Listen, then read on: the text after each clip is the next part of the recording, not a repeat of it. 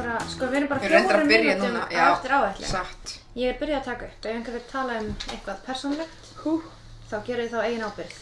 Já, ok, ég, við fengum ábyrtingum að við værum eitthvað að deila miklu, ég veit ekki alveg um þetta. Er ég búin að segja eitthvað ruggla? Trúnarsessjón. Já, við hérna, Eru börnum mínu framtíðin að fara að hlusta á þetta og skammast sín eða? það fyrir eftir hvernig framtíðin er, sko. Ef Já, við reyndar. dættum í svona handmaid's tale dæmi, þá já. Já, einmitt, ég held að fara mjög mikið eftir því sko, Það fyrir svolítið eftir því. annars ekki. En það er komin spooky season. Já, Spooky time. Ég var- Oktober? ég var að mun eftir að við ætlum að vera með meðmæli. Já. Mögnuð meðmæli. Já, viljið viljum við mæla með einhverju svona til að byrja? Já, en hverju? Æ, úps, ég, ég Ég hef til undirbjó hérna. dæmis ekki neitt. mælt með uppáhalds veitingastanum mínum. Hvað Mhm. heitir hann bara? Það sem að fyrir sem að falla anfell. Chickpea Já. á hallvegasteg. Uppáhalds veitingastanum Oh mínum. my god, já. Það er fantastik. Þannig að já, allir farþangað, sennilega allir búin að farþangað, það því ég er aldrei fyrst með fyrstu fréttinnar. En það eru allavega tveir að hlusta á þetta sem búa, þú veist, í Kópavogi eða eitthvað og veit ekki hvað er cool. Veit ekki hvað er cool. Er einhver með, please, verðum betri meðmæli en þetta. Ég... Ég er líka gett svöng þar sem þetta koma. Æ, fóðu þetta netur. Æ, ég þorði því ekki. Viltu rest af bífara dagum?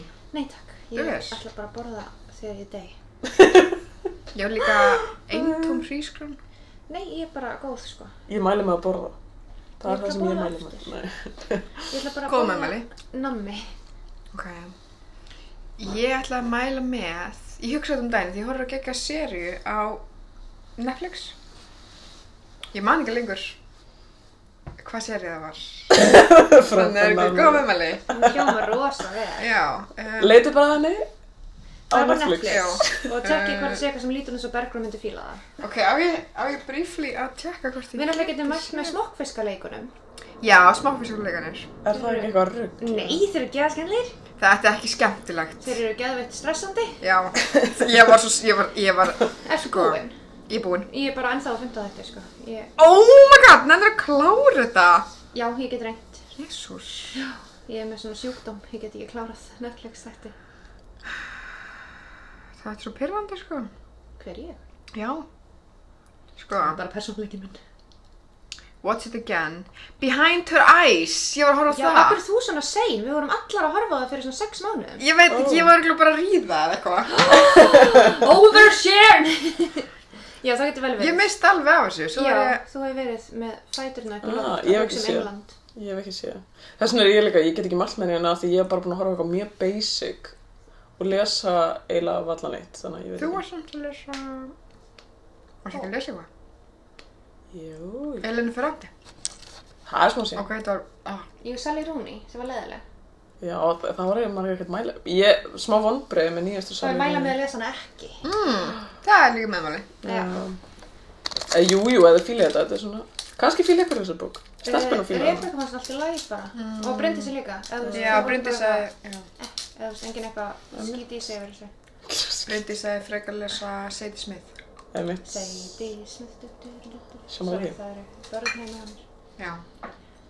En já, Ok. ég skal vera betur undirbúið næst, afsakið mig. Já, það var mjög spurðu moment. en Já, ég var búin að glæma þessu. En þetta er, hvað voru alltaf með? Ég var styrlaða staðrind. Já. Það gekk svo illa líka. Uh, á ég kom með styrlaða staðrind sem er tengd efni dagsins. Ú, já. Vissu þið að í myndinni Það er ekki gaman. Ok, slag hún. Þetta er brutnaði að kapna, ég er ekki verið Mér sveldi það mínu eigin munvætni. æðislegt. Ég var hérna, að- þetta er þetta núna önnur styrlu staðrind sem finnst þessu ekki. Ég var að lesa mér til um óléttur og það kom fram að á 17. viku getur maður verið með meira munnvatn. Þannig að við höldum slefandi óléttum konum að núti. Mér finnst svolítið áhugavert. Já. Af öllu sem að leggja á fólk. Það er alls konar sem gerist, sko. Skriði, Þetta er svo skriði dæmi, sko. En hvað tengist umræðinu dagsins? Já, ég ætla að segja, vissu þið að myndin Candyman frá 2021 er fyrsta myndin til að vera með svartan kvennkynnis leikstjóra á toppi horfa á myndirlistanum Ah, á helginni sem hún kemur út. Heyrðu, þú segð mér það. Hvernig virkar íslenska? já, á þarna topplistanum. Ef þú var mest, Topp Frumsýningar kvikmynda. vikunnar. já, fólk fór mest á hana í bíó í frumsýningavegunni. Það er alltaf svona Og topplisti. þetta er fyrsta myndin sem er á toppnum sem er eftir svarta konu sem er leikstjóri. Ó, ok. Þannig að vel gert 2021. Já, vel gert. Einmitt. Það var alls ekki komin tími til eða neitt. Nei. En, hvað er umræðum dagsins? Candyman. Já, ég var að hugsa bara annað. Ég er búin að vera að hugsa bara, Ég held að við varum að fara að tala um eitthvað annað. já, Ég er búin að gera nótur. ég held að það lýsi mjög mikið bara mínu andlega ástandi. En það er svona spooky season að þetta er hryllingsmynd. Það er spooky sér sem þess að segja þið það. Við tölum um þetta bara grún. Það er svona ákveð að taka þannan þátt við fyrst. Ok, sko. Bara að kæmi kringur hrekkja við ykkur. Sko, ég er í 15 verkefnum og ég er að flytja. Ok, ég vildi að við hefði látið bergrunu byrja að tala fyrst Vá, um hitt efni. Oh my god, já. Það það hefur er verið spooky. mjög fyndið. Við erum meðlut að halda hann að vera bara grún. Þú ert með þáttinn. Hvað eru glósirna þína? Það hef ég bara sagt ykkur frá því að ég var að mála alla helgina. Íbúð. Hvað bróður er míns. þetta? Hvita? Gula? Já, hann heitir e Antík Hvítur. Ú, hann er sexy hvítur. Já, hann er fýtur sko. Reynda helmingaður sko. Mm. Ég fór, ég fór með í slífilega, ég hjálpaði maður, hjálpaði að velja litina. Og ég sá að þú veist ég mjög flott um galla. Ég var í geggjum álugagala. Ok. Ég var mjög gaman um öfins, ég gallu. mun að vera í galla. Hot stuff. Gallar er framtíðin. Gallar er líka sem í tísku núna. Já, Það er alveg frekar heitt. Mhm. Heitt átfett. Ég fór að sækja pítsu sem galla, ég var bara in fashion. Já, ekki svo. En ég eitthvað svona, aldrei þessu vant, þá undirbjóð ég mig ekki neitt. Ég horfði bara á myndina. Það kallast nú aðeins Woo! að búa sig. Ég tók, Það er mikið. Þú ert reyða 91 mínúti í það. Já, einmitt, 90 mynda. Svo Reyndar. fín lengt. Ég veit það, þetta er fullkomi lengt. Þetta er styrsta Candyman myndin to date. ó, ok. Hvað sagði Ah, woman meiru? Já, af því hún veit hvar á að hætta. Made it. Og hún veit hvar snýpurinn er. En það kemur málun ekki við. Nei. Burt sér frá því. Ég hérna, já, ég kann að klippa út. Uh, já, sko málið er að einu sinni, fyrir langa löngu, fóru ég og Bergrun í bíó á Candyman 2021. Mánuðu síðan. Við fyrir mánuðið síðan og okkur fannst hún geggja skemmtleg Uh og mjög ógisleg. Og ég er ennþá hrætt sem við fyrir að klósti á nóttinu. Þú verður bara Í ekki að speglinum. segjast nei, með þú segir ekki Candyman í speilin fimm sinum, ertu góð? En að maður hugsa. Já, það má hugsa það, Ok. held ég. Já, ég, það má hugsa. Gef mér reglirnar og reyna. Þetta, já, já, Allavega, við fórum í bíó og svo... Og mér stóður skemmtlegt Já. og hérna, svo vorum við að ræða um daginn að vera kannski komið tíma annað Bergrums Movie Night, það var nú svolítið síðan. Og þrátt fyrir að, hvað heitir hann, Adam Brody sé ekki í sér mynd, þá ákveðum við að Já, taka það samt fyrir. criteria. Já, og það hefði svolítið. góð, hann hefði verið góð viðbútt í þessa mynd. Hann átti að vera einhver svona art critic eða eitthvað. Já. Eða Oh my kærasta ég var bróður allt síns. grunn. Hann hefði þetta verið að Dick Art Criticins, Já. eða var hann Art Critic eða var Já, hann var art critic. eða Nei, hann var listamaður. svona curator, held ég. Já. Hann átti að vera hann með smá eyeliner. Mhm.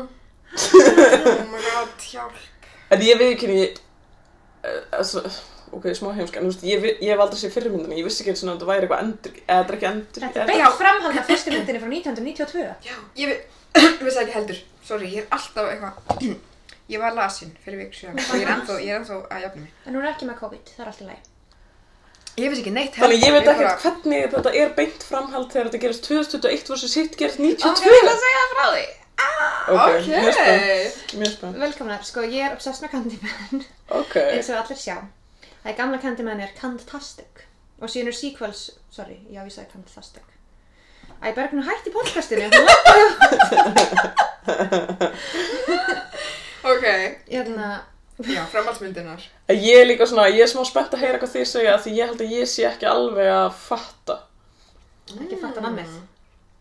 Ég Það var- já. fatt alveg margt en kannski er eitthvað sem ég er ekki að fatta. Ég veit að ég ætla að hlusta hvað þú segir. Ok, æsispennandi. Eitthvað gáðilegt. Allavega kom út mynd 1992 sem heitir Candyman sem var með fyrsta interracial romance á stóra tveldinu í Hollywood Mm. 1992 1992 29 árum fyrir 29 Var árum. það fyrsta interracial, eða svo svona, Romantík á bíóskjá. hvað Í heitir, Hollywood. hvað heitir interracial í íslensku? Svona- Skýttur ekki alveg, allavega. Hún sé kannski blanda eða eitthvað, það hljómar svo Bara fólk að mismundi kynþætti. Já, og það var meira af sem Í svart rómantísku og sambandi. fítt Við erum aldrei að tala um asist fólk að við erum Já. Þannig rasistar En já, allavega fyrst sinn sem svartur maður og hvít kona fari í sleik á hvíta tjaldinu í Hollywood What? Ok. 1992 Gott ár mhm. Og hvað gerist við hvítu konuna? Hún deyr. Það er rétt, hún deyr, Af vantarlega því- Já. þegar hún fór í sleik við svartan mann. Refsing. Já, og ég bara. Um, burt sér frá því, þá hérna já, Candyman frá 92 er einmitt svona svolítið stórt nafn í hryllingsmynda heiminum.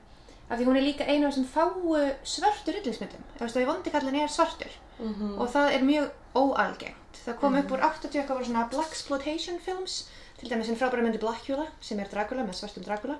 Mm. Sem er alltaf óksalegar. En Candyman er actually með metnað til að vera góð. Sem hún og er á vissan hátt. Og tekst svona smá á við rasism og dót. En hún er samt gerð, þú veist, skrifuð og leikstýrð af hvítum karlmanni. Og aðapersonan er hvít. Og Candyman frá 21 sem hann koma núna er fyrsta Candyman myndin sem er skrifuð af svörtum manni og leikstýrð af svörtu konu og með svörtu aðrætturki. Mhm. Já. Klöppum fyrir því. Ú. Þetta er um svona effekta eins og aðtilspurstur lokast þig. Já. Ég hef ekki hlustað á það. Á, það er snild. En ég er með effekta. það eru effekta í konu, sko. Þess vegna eftir að setja einn svona skrítið þegar ég er að klippa út þarna. brrr. Þú veist, þegar ég taka út, mannstu þú var sagður einhvern tíman eitthvað sem mátti ekki heyrast. Já. Þannig kom að ég var að tala við Ah, sko. boing. þessu. Það var alveg komið effektar. Já, Ah. ég get Já. alveg unnum að það meira, sko. Mér langar bara um svona takka eins og Lóa. Erum við takka? Hún sko um takka þeir stúdíu náttúrulega. Akkur er upp í stúdíói. Já, ef að fara að gera það. Já, Já, við þurfum Ah, kannski. að fara að gera það, sko.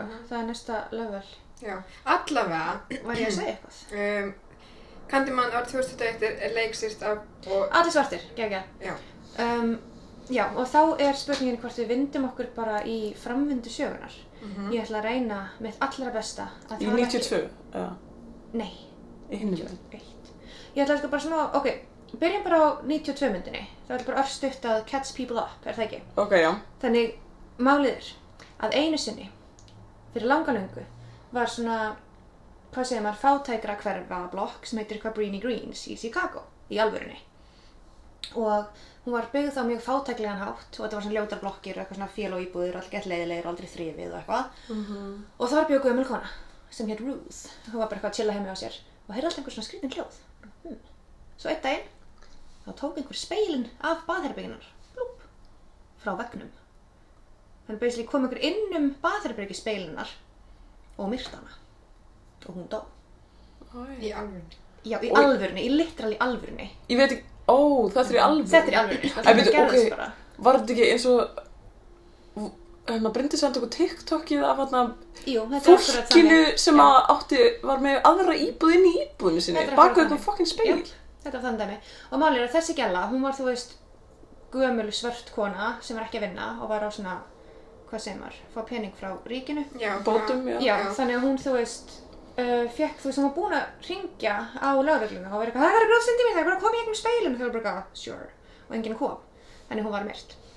Og svo kom í ljós við rannsókn að ef þú tókst speilin af, þá var svona örþröngir gangar á milli íbúðana. Þannig basically tók ég minn speil af, lappað inn og tók þinn speil af og þú er komin inn til þín. Þú veist, á þess að vera með Hver hannaði það? Til einhverjum hvers? sem er alveg saman fátækt fólk í bandaríkjunum. Æ. Reagan eða eitthvað. þetta En ég meina Já. upp á hvað loftræstinguna eða? bara ódýrara, þú veist, það er ekki þétting í veggur, Já. þú veist, það ætti náttúrulega að vera, þú veist, þetta er veggur sem á að vera eitthvað svona gúrum inni til að sé ekki kalt og eitthvað en þetta er bara, Það er bara eitthvað sparnar- svona skítanlegs Ok, shit. Já, og sérst, myndin 92 er byggð á þessu sögu. hún er mjög lauslega byggð á þessari sögu, en málið er sko að það er rítumundur sem heitir Clive Barker og hann skrifaði grein sem heitir They came in through the bathroom mirror sem er mjög skemmtilega, ég ætla að setja hann í show notes Nú, ok. og hérna, og erum þetta að skrifa um þetta og þú veist, vakti svolítið aðtikla á þessu máli bara líka á hvað þetta var ókslega niðurnýtt hverfi að þú veist, þetta er, ég veist, blokkir sem voru einhverjum 50 hæðum með einhverjum liftum og þú veist, allir búin að kúki stegagangin og bara eitthvað, þú veist að þetta er Það eitthvað er bara fólk sem átti mjög erfitt og fekk enga hjálp. já, og líka bara fólk sem átti ekki þessu erfitt það bara átti ekki mikið pening og það Já. bara ertu látin búa einhverstara sem er að grotna niður Hóla, hóla þarna niður. Já, og þá hérna, eftir þennan pistil, þá ákveðingur að gera mynd upp úr þessu, hann sá fyrir sér svona horror concept að það kemur einhver út um speilin sem er alltaf bara mjög creepy business, eins og það að segja. fólk sem mm Og þannig að þá er gerð mynd og þar er sko kona sem heitir Helen í myndinni, þetta er núna ekki í alvörunni, sem er svona mannfræðingur og hún er að gera verkefni um Cabrini Greens, þú veist, fátækra hverfið. Og það er náttúrulega enn eitt dæmi sem kemur hvít gæla og er að tala af allt svarta fólkið, þá þú veist, við getum ekki haft sögu svartra án sem einhver hvítur komið með hana til okkar. Mm. Þið veitir hvernig þetta er. Yes. Og hérna, og hún er að rannsaka. og Mhm. Hún er að hjálpa. Við hjálpa. Hún er svo gáð. viðtöl. En hún er að taka viðtöl við fólk sem býr hana og fyrir að heyra söguna um Candyman. Og hún hugsa með sér, hmm, Candyman. Og dularfullir atbyrðir fara að gerast. Eins og hún, þú veist, til dæmis, fer heim til einhverja gælu í Cabrini Greens og ætlar að tala við hana og þá er hún myrt. Þú veist, gælan. Og hún er bara eitthvað, aaa, og löggan kemur og er eitthvað gæla, og svo dreipur þessi gælu. Og hún er eitthvað, ég gerði það ekki, og allir eitthvað, jú víst. Hún er eitthvað, kom eitthvað maður út úr speklinu með krók fyrir hönd. Og hún er eitthvað, nei, nei, nei, nei, nei, nú fyrir við á, á spítala. Þannig basically þá er hún að síðan afhjúpa sögu Cabrini Greens sem er haunted. Og svo er þetta verður alltaf einhverju mjög leilur íslenska því ég las allt um þetta á ennsku og heilin minn kann ekki að þýða. Það var, hvað segir maður, ásótt, draugað. Mm. Já, ástra draugum að... Já, já, segjum það bara. Hvernig þetta er ennsku eða ekki? Jú, jú, haunted. Ég veit ekki hvort við eigum gott íslenskt orð fyrir náttúrulega. Reynt! Já, það er samt svona, jú það er kannski hús sem er það, en að vera Að þú sért hóttir. ásótt, já. Það er ásóttur bara á draugum. Ángar maður komið innskott. Mhm. Ég sko í áfanga í bókmyndafræði sem er um rimleikahúsið og ég er að gera hópurkað með gælu. Hún skrifur alltaf rimleikahúsið. Hún haldi að þetta séu rimleikar. Oh my god, en krútlegt. Ég veit það, ég er lofin it. Já, Mér langar bara að taka þetta upp. sko. já, rím, Æja. Já. alltaf ríma. Já, það er rimt hérna. Að rimma? Nei, ok, ég veit Já, svo. það var, svo, Oj! það var það sem að ég var að vísi. Og ég fatta ekki neitt. Rimleika húsið. Hann kemur og tekur að þér buksunar. Já, Allavega. Þá hérna, já, sér hún, fólki verður að segja henni sögu af manni sem um, var uppi á 19. öld og var svartur listamaður sem var að mála myndir af svona fanns í ríku hvítu fólki á staðnaða sem Cabrini Green er núna og hann var ástfanginn af dóttur eins ríka kallinn sem hann var að mála hann var eitthvað, mm, það mála þig, hann var eitthvað, hí, hí, viltu ekki eitthvað meira bara að mála mig og svo byrjuðu þau saman og hún var ólétt og hvað haldið það hafi gerst þá? Hamadriminn. Þarna var það. Þannig hann var myrtur og hræðilan hátt og höndin var skorin af honum og sett svona kjötkrókur í staðinn. Ok, og hann- já, sorry, ég bara skil ekki. Af hverju fyrst að taka, setja krók hendi og svo dreipa? Af hverju ekki, ha? Af því að draugurinn er sem með krókahendi og þarf einhverja ástæði fyrir því. Ég skil ekki, ok. Ger ég það fyrir. En Allavega, hann var með krókahendi. Sorry, ég ætla bara svona. já, þú veist, ég held að það sé Smáfindi, bara já. eina ástæðan. Það er mjög svona pointless dæmi. En er ekki líka svolítið pointless dæmi að drepa einn gaur bara þannig að einhverja gælu sem langaði að ríða honum tilbaka. já emmi, Jú, þau eru klárlega, sko. ástfangin. Jú, Já, þau langaði bara að hafa mög. Mög. En burtsér frá því, þá hérna var hann drepinn á hraðan hátt og eftir það byrjuðu dularfullir atbyrðir að gerast, eins og fólk fór að finnast dögt og svona upp allavegi. Og íbúarnir í Cabrini Green, þeir vita af þessu og eru að tala um þetta sem svona urban legend og Helen þessi ætlaði að rannsaka þetta svolítið. En hún kemst í hann krappan. Hún endur á geðsugrósi, svo brýst hún út, svo er hún aftur í Cabrini Green, kemst að því að Candyman ætlar að stela einhverju batni sem heitir Anthony og tekur barnið og Helen eldir hann inn í veggina og bjargar barninu og þú veist, deyr sjálf fyrir barnið og þetta er svona mjög hratt farið yfir sjöfu og Candyman og Helen eru líka svona svolítið skotin í hver öðru þau eru svona aðeins Er hún svona- skotin í... Ok. hann er mjög sætur sko. Já, en hann er eitthvað að drepa fólk. Ég skil ekki neitt. þú veist, Ted Bundy átti ekki að mikið aðdáðandum þú veist, ég veit það ekki Já, ok, menn. já. allavega, það er, þú veist, hann líka er að hafa eitthvað svona áhrif á Helen þetta er eitthvað að gera eitthvað fyrir hana Ok, Frekar með svo ok. kráka hendina eitthvað, ég hengi upp þvottiðinn. Mm. Og svo er hann líka þakinn bíflugum, já, kemur fyrir besta fólk. Mjög kynasandi. Næst. svo er ég var að hugsa um þegar við vorum á myndir Antonio sagði við því, þetta eru geitungar. Það er sko geðfyndið af því að máli, allt sem ég lesi um þetta er alltaf að tala um bíflugur. Er þetta ekki eitthvað tegund af bíklum sem lítur smá út eins og... Kannski. Það lítur að vera af því ég var við, þú veist, Geitungar. bergun eitthvað, ánga bíflugur, hún gætur geitungar. Svo var, eða nei, Nei, Það hann var sagði hann sem- það, já, þú já. sagði mig, en að "Ó, bíflugur er svona eitthvað merki fyrir kendimann, ég eitthvað, Já. ó, ok. Svo sagði Antonio, hann sagði þetta er geitungur. var hann að bíspleina. Hrútsp- Hrútsplæna, já. Var að bíspleina. Mm. Bíð. Alltaf, en já, þetta, ég mynd- var líka að googla þetta að tjekka hvort ég var að bregja heim, sko, vissi ekki hvernig bíflugur lít út, en þetta, samkvæmt öllum litteratúrnum er þetta bíflugur, þó er lítið samt vissulega út eins og geitungar. Þetta er alltaf eitthvað tegund sem að Ég held að það getur mjög vel verið. er svona. Um, þannig já, þetta var fyrsta myndin og svo voru gerðar sko framhaldsmyndir af þessu sem ég hef ekki séð, það eru almennt haldur frekar lélegar, það eru bara svona slassermyndir og þú veist alltaf læg með það og Já. Tony Todd sem leikur Candyman er í þeim allum, hann er svolítið króklegar og svolítið skemmtilegar, veit um krók fyrir hand og hérna, svo er líka má þessi gaman sketa að ég var að skoða að bíflugur eru svona smá minni í bæði bókmyndum og hryllingsbókmyndum í gegnum söguna en svo er í fyrst í bara hvað heitir það það sem þarna Dante fyrir helvítis? Já, Dottir sinn fönn. Já, í Inferno þá eru þú veist bíflugur í einum af innstu ringjum helvítis að stinga já, og svo já. kemur þetta upp svolítið oft sem eitthvað svona ókennileika merki í reymleika húsum eins og dæmis í The Shining bókinni þá er alltaf bíflugnabúi sem lifnar alltaf við aftur mm -hmm. saman hvað er drepað oft þannig ég er svona, það er einhver dýpri merkingarna sem þarf að skoða betur Zzz. Eða bara sagna hefð eitthvað. Já, ég sagna hefð, þetta er alltaf eitthvað svona við bíflugur sem eru sem skrýta að þeir eru líka tengdar við þú veist fullt af jákvæðum hlutum en Já, svona bíflugur svona- ná Já, sjálfar. lífið og eitthvað. og svona frjósemi og Mhm. En þú ég verði veist- þetta ekki svona eins og kr- hrafn, skilur, okkur er hrafn alltaf að þeim svartur, eða eitthvað, ég veit ekki. Hlutur að bíflugur náttúrulega Þeir eru röndar eitthvað hrægjetur og... Bíflugur er bara að borða blóð Hrafnar. Ég með við líka, þú veist Já, ég Hvernig erum við að dæma? dæma? En já, þannig að síðan frá svona 2000 og eitthvað smá hefur verið þú veist, hugmyndum að gera nýja Candyman-mynd og þessi Clive Barker hefur verið svolítið virkur í því að reyna að þú veist að gera meira sem maður sem gerði greinina fyrst Gerð, var þetta ekki smásaga? Nei, það var grein, en svo var líka gerð smásaga Þú veist, Já. það var- Nei, Hann veistu- gerði smásaga sem ég hétt eitthvað The Forget. Já, já, Dýrðin nei, er nei. það já, fullkomið. já, herru, þú ert að segja rétt, ég er að segja vittlust. Greinin er ekki eftir hann, smásan er eftir hann. Mhm. Held ég alveg öruglega, ég er bara að ljúga á podcastinu. Segji ég hef ekki undirbúið mig neitt, ég las Nei. eina Wikipedia-grein. Nei, okay. veistu, það er bara alveg rétt, hann Er það skrifaði ekki? Forbidden, sem er smásaga Forbidden, sem já. gamla Candyman er byggð á. Það er alveg 100% rétt hjá þér. Og hérna, ég byggðist forláts. Forlót. Forlót! Forlót, nei. Ég ætti að vekja Antonio með þessari sænsku. Úps. Þannig að hann er í vinnunni, sko.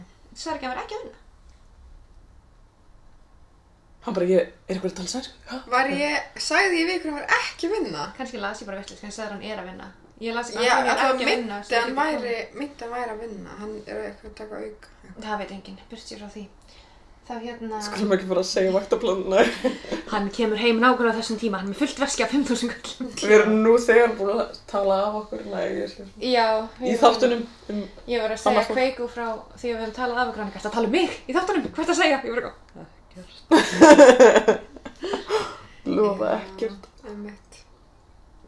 uh, já, þarna, allavega Clive Barker vildi fá nýja myndir og það var búið að vera að reyna að gera nýja Candyman mynd í einhver tíu ár og það var ein hugmynd að gera Candyman versus Leprechaun sem er svona crossover mynd, Oh.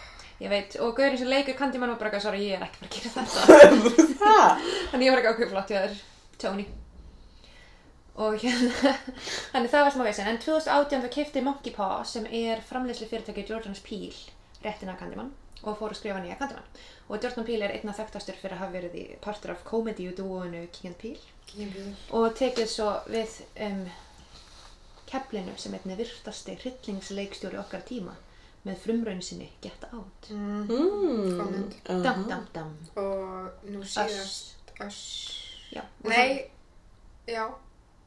Er það ekki? Jú. Og svo kemur þessi. svo- Já, svo kemur þessi. En hann leikstýr þessar reyndar ekki, hann skrifar hana. Já, ok. og málið er að hann vildi gefa ungum svörtum leiksturum færi á að koma sér á framfæri og bara, þú veist, upplifta öðrum talentum sem bara gott múf, hún er líka mjög vel leikstur mynd þannig að Já.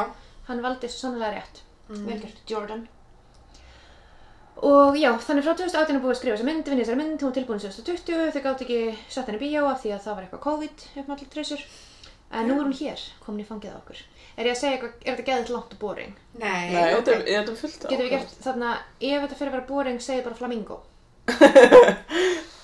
Mér, nei, ég, fullt af, þú ert að segja mér fullt sem ég veist ekki. Dásamlegt. Já, Og- ég er alltaf kannski svolítið svona bored af því þú ert búin að segja mér það. En ég Já. I appreciate það. En ég sko finnst að hafa hérna smá viðmið að því ef ykkur leiðist þá mun hlustundanum definitely leiðast. Þú veist, við viljum ekki bara mér finnist gaman hérna. Á- Akkur ekki saman.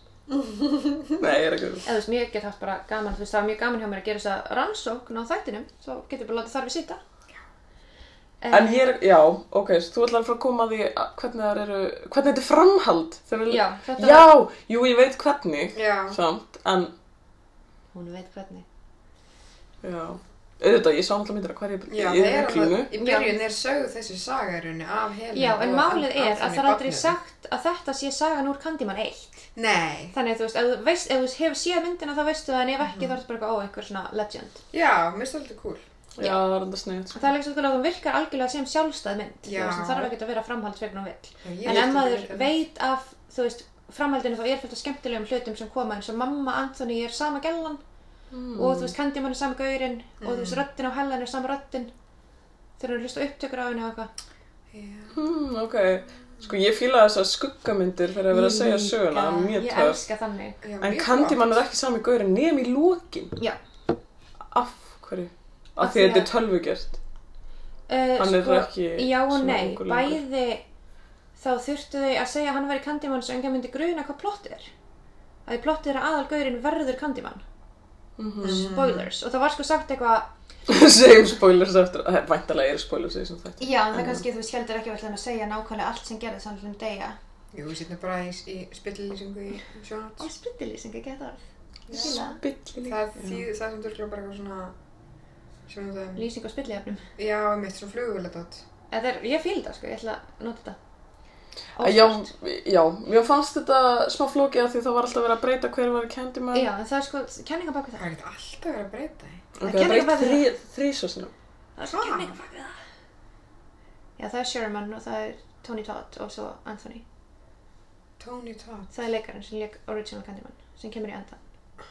kemur í enda. Já, það kemur bara Þegar- andlit á hann allt í enn. Þegar Brianna er að horfa á Anthony, hann er eitthvað, tell everyone, þá er það Tony Todd, ekki, þú veist, Jaya Abdul Mateen. Það er það sem ég er að meina. Ég var eitthvað, hvað? Já. Já, jú, því ég kannski... Ah. Bara til að vísa í gamla, fyrir það Já. sem þekkja original Já, Candyman held ég. Já, það var mjög, Þá er þetta svona, ú, hei, Þetta var akkurat þannig fyrir mig, ég var ekki að um Tony hæ.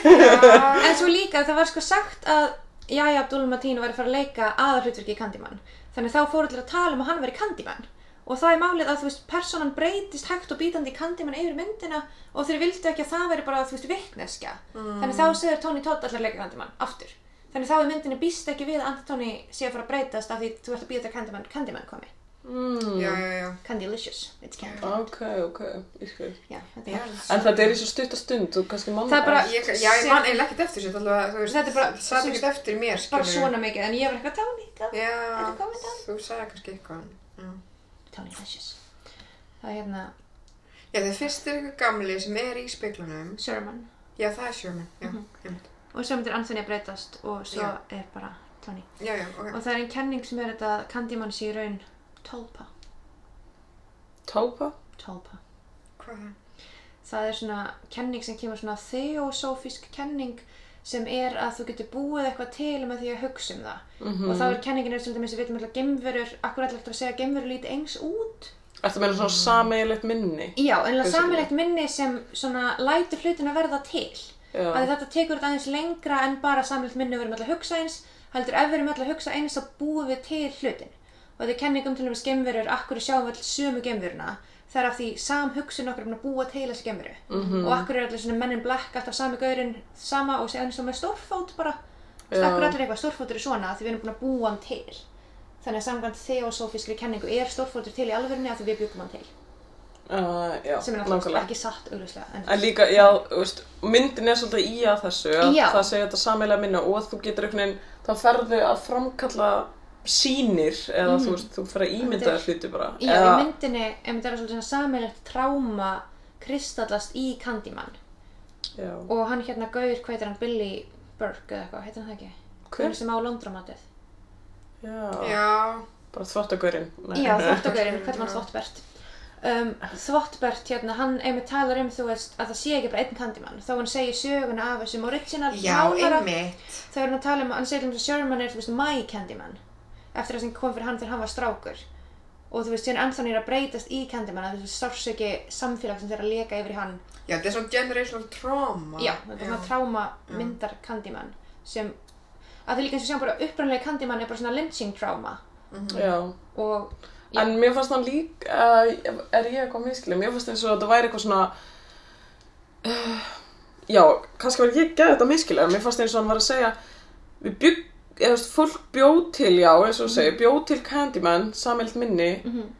til þess að útskýra eins og hluti sem er náttúrulega bara eins og álvar og huldufólk já, og sem svona eitthvað ekki að sem sem bara, þú veist Já, það er bara með eitthvað, svona, já, svona kynnslóða þú veist, eins og svona generational trauma sem Mhm. er bara þing í alvörni í, þú veist, sögur svartra í Já. bandaríkjunum því að, þú veist, hvítir bara, Ég er ljótur kallar. já, nýttist á þeim Já, um, þá ertu reyna, já, hún setur það í einhvern svona búning sem eitthvað svona, kannski bara til að díla við það, eða Já. eitthvað, að ég veit ekki skilja hvað ég meina já, já, þetta er til dæmis tekið sem dæmi að er til mjög áhverð bókum þjóðartráma sem tekur fyrir hvernig það byrtist í hryllingshefðum hvaða lands fyrir sig mm. og Japan er með rosa mikið af svona afmynduðum draugum sem er eitthvað þjóðartráma eftir setni heimstyrjöldina Mm. út af Já, kjarnorku já, já, dæminu já. en þú veist það er aldrei sagt og þú veist leiksjónu er eitthvað, ú ég ætla að gera eitthvað svona kjarnorku sétt heldur er þetta bara það mest ókveikandi sem þeim dettur í hug til að díla við þetta undirleikandi tráma þú veist og líka japanski draugar þeir eru alltaf ekki eftir reyðir og þeir drepa bara alla þú veist það er ekkert að díla neitt við það þú getur ekki verið eitthvað hei sorry þeir eru bara eitthvað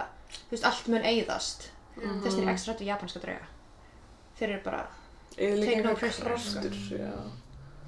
Já. Æ, ég ekki neginn hjælt smá að það væri verið að segja og svo er ég eitthvað hræðilega ég miskildi það þannig að þú veist, fólk í fátakrakvörnum, svart fólk, væri að nota Candyman sem afsökun fyrir einhver brot sem þau framdu. Þegar ég er eitthvað, ups, það var ekki verið að meina það í myndinni. nei en þess að ég var að meina að þetta er þú veist Að díla við tráma í raun. já og líka bara þú veist það er gett mikið sem kemur upp í svona hverfum sem þessi langar ekkert endilega að vera að gera þú veist svona erfiður lífstíl og dát þú veist Já.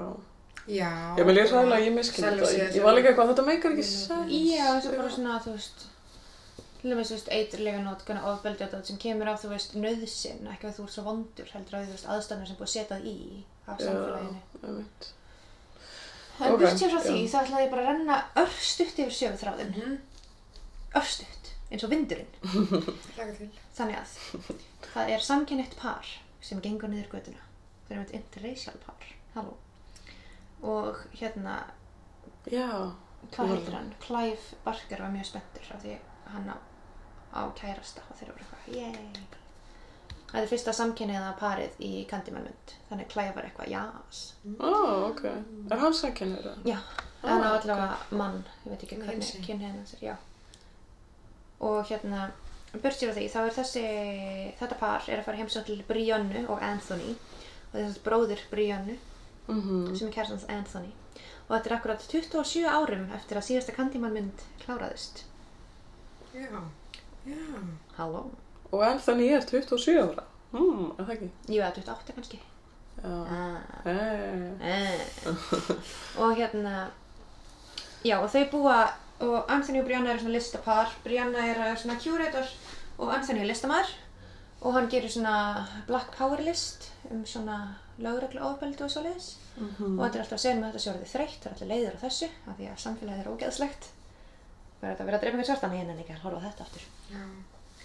og hann er að undirbúa sig fyrir sýningu og Troy sem er bróður Briannu er eitthvað að þið stekku draugasöðu og þeir eru eitthvað, nei, hann er eitthvað, ég ætla að gera það samt og þann besta í myndinni er að hann slekkur ljósi og kveikjar kerti sem er það sem hann myndi gera í alvörni ef þess að það kemur ekki bara svona shady lýsing út frá myndinni Já. heldur svona er hann eitthvað, ég ætla að gera stemmingu og ég er eitthvað, ú, love it Já, það var flott þess. já, maður kann að gera stemmingu og hann segir draugasögu sem er basically sagan af þessari Helen eins og hún myndi byrtast einhverjum sem horfði ekki á fyrstu myndina út frá sjónarhorni Helen Mhm. að því hann segir það var einhver klikkuð hvítgjalla sem fór í Kabríningriðin drapa einhvern rottvalir hund, stal einhverju barni reynda að brenna það á báli og brendi sér svo sjálf Ég svo sett ekki út frá sjónaröldni hella, Nei, minnur. af því að málið er ef þú hefði bara lesið um þetta í blöðunum á sínum tíma þá hefði ekki verið sagt eitthvað að Candyman var að ásækja Helen og láta hana lít út fyrir að hafa drepið alla heldur væri bara einhver sæk og hvítgjalla að drapa þetta fólki Mhm. og er núna döið Já. sem er svolítið skemmtilegt töps að það er svona verið að gera þetta pínu raunverulegt að þeir Einmitt, já. eru ekki með neitt insight info og svo segir hann einmitt að ef maður segir Candyman fimm sinnum ef maður horfir í speilin þá byrtist Candyman Og dreifir þig.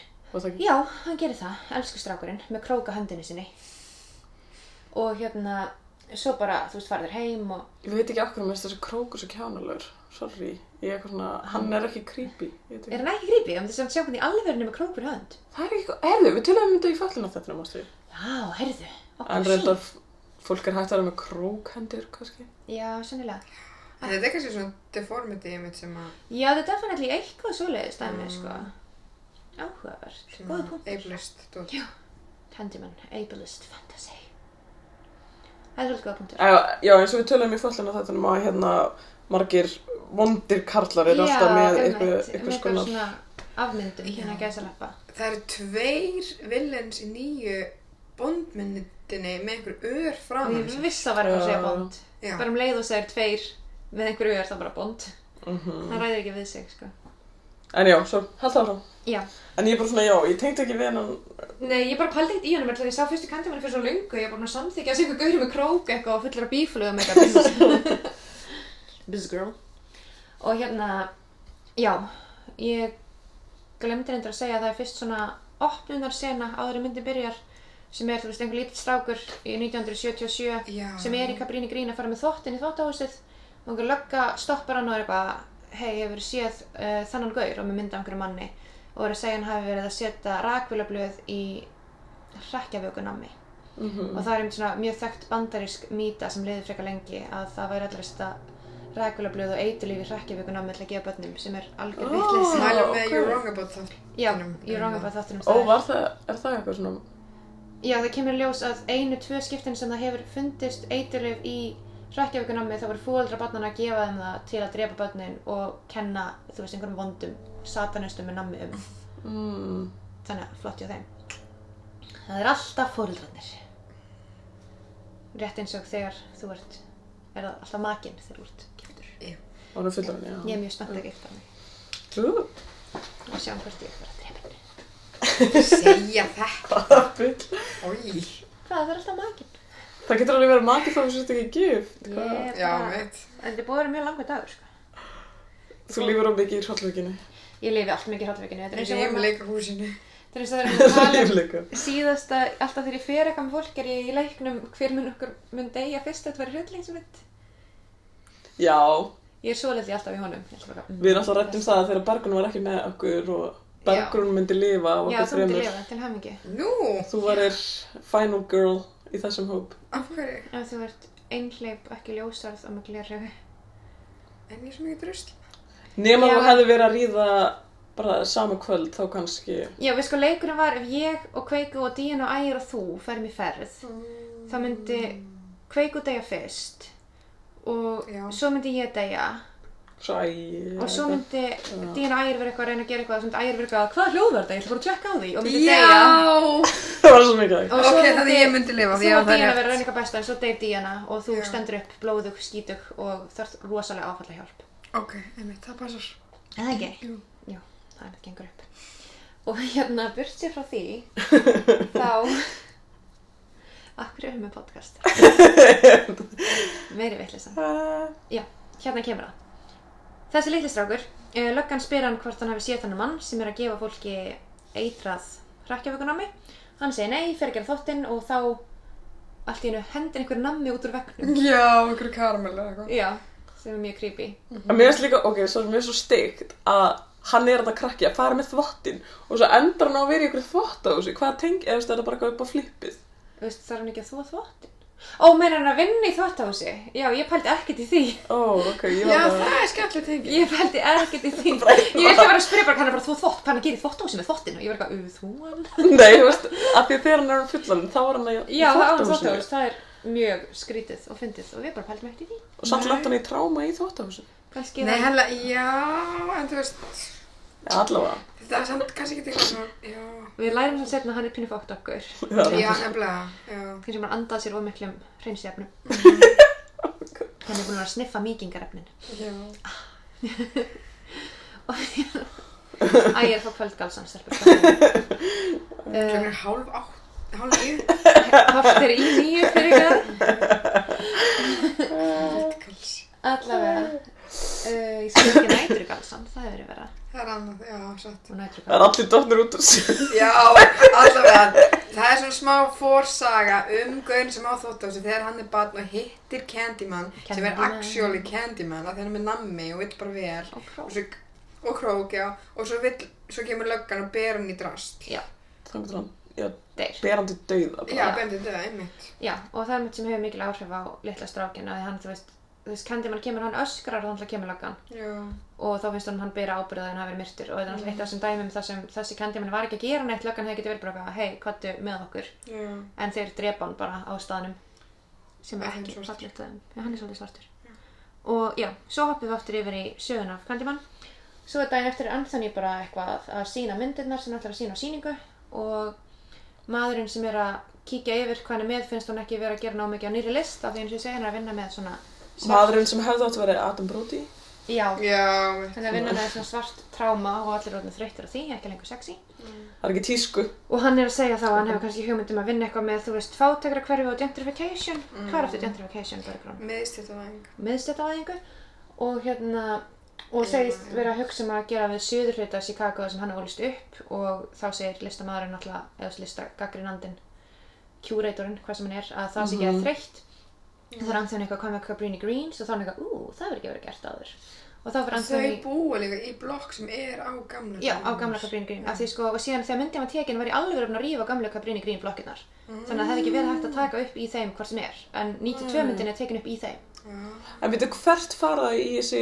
húsnæði þarna sem eru ekki blokkir heldur það er samt svona bara á fátækra? sama svæðinu það var sko þessar blokkir og svo líka minni hús og Já, þessi Já, kirkja og það einnig. er í alvörunni svona rústir og niðurnitt hús Ok. og ákvöngurinn á hverfinu en þú tekið on location er ekkert verið að miðstjæta vega það? Nei, það er alltaf að vinna í því þú veist, já, móka þessu gamla liði út það er líka best þegar þannig að það er í þvóttahúsinu og hérna gælan sem er að þú er hvít gæla með svona, þú veist, earpods þannig hún er, þú veist, miðstjættavæðingin er að koma já. þú veist, í þetta gamla liðin í þetta þvóttahús hún er að slæta inn Mér fannst það bara Mér fannst þetta mjög skemmtilegt svona alls konar pælingar um miðstjættavæðingu og um mm stjættaskiptingu í þessari mynd Já, Mér finnst það eiginlega skemmtilegast í parturinn en ekki hryllingurinn Ég held líka að það Já. sem svolítið mikið svona Jordan Peele dæmi er svolítið að vinna með svona henni samfélagslega hrylling. Mhm. Þú veist, Já. frekar en bara eitthvað bú, heldur svona, ha, bú.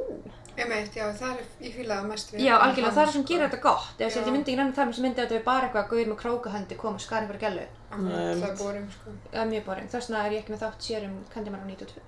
Já. Um, burt séð frá því, þá fyrir Antoni að skoða Cabrín Green, fyrir eitthvað myndir, hittir Billy, sem er þóttafasmadurinn. Mm. og hann segir um sögu hverfisins og þú veist hvernig þetta er allt búið við einhverju voli og segir um frá Candyman og Candyman sé svona í hugum okkur allra og Anthony er bitinn af bíflugu Alveg rétt, það er svona snemmi hann er myndarinn. bitinn í hendina af bíflugu Eða geitungi, við vitum ekki hvað það Nei, er bílum. einhverju svona stingidýri sem er Það röndótt er bílum. já, samkvæmt litteratúrunum er þetta bífluga þannig við höldum okkur bara við það ef það er nóg gott fyrir Dante er það nóg gott fyrir okkur Hún, hún. uh, já, hann er stungin af þessu bíflugu svo var hann heim, var að mála myndir og býr til nýtt verk sem hann kallar Say My Name eða Say His Name Say my name er það Say My Name Já, Já, ok, og það er basically bara speill og þú opnar hann og það er mynd inn í honum, er það ekki?